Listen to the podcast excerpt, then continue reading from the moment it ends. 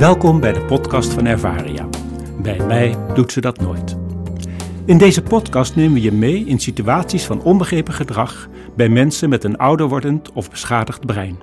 Bijvoorbeeld door dementie. Dit is aflevering 19. 100% NL staat aan. De ene na de andere vrolijke hit komt voorbij. De medewerkers van de Waterlelie die zingen vrolijk mee en de sfeer zit er goed in. Marco Borsato, Gers Pardoel, Jannes, het is heerlijk allemaal. Voor het team dan. De bewoners die hebben er niet echt plezier in en die beginnen commentaar te leveren. Wat is dit? Praten of zingen, zegt meneer De Wit. Ik vind het helemaal niks, moppert mevrouw Miedema. En mevrouw Kolkman doet er nog een schepje bovenop. Wat een geschreeuw.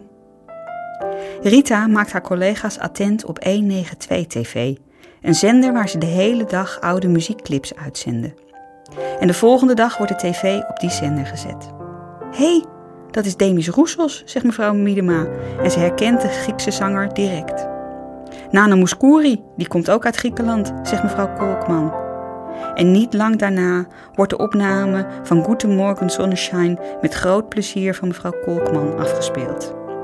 Hierna volgen Dalida, Wim Sonneveld en de George Baker Selection. En de meeste bewoners kunnen gewoonweg niet stil blijven zitten. Hier beweegt een voet, daar wordt er geklapt en verderop zingt er iemand mee en verschijnt er een lach. Muziek is voor de meeste personen erg plezierig. Het gaat dan ook op voor mensen met dementie. Luisteren naar muziek kan herinneringen naar boven halen, waardoor het een manier kan zijn om contact te maken. Het kan gedrag ook positief beïnvloeden, zo blijkt uit onderzoek. Het is daarom belangrijk dat je kiest voor muziek die er voor de mensen toe doet. Hedendaagse muziek is voor veel ouderen niet prettig omdat het niet aansluit bij hun beleving. Naast het genoemde tv-stations zijn er ook online radiozenders als Radio Remember en Radio Nostalgia.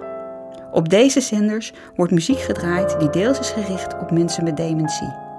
Ook op online streamingsdiensten als Spotify zijn afspeellijsten voor mensen met dementie te vinden.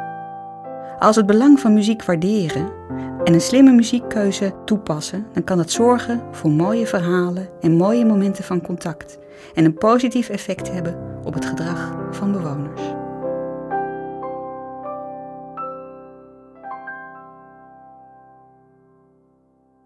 Meer informatie is te vinden in ons boek Bij mij doet ze dat nooit.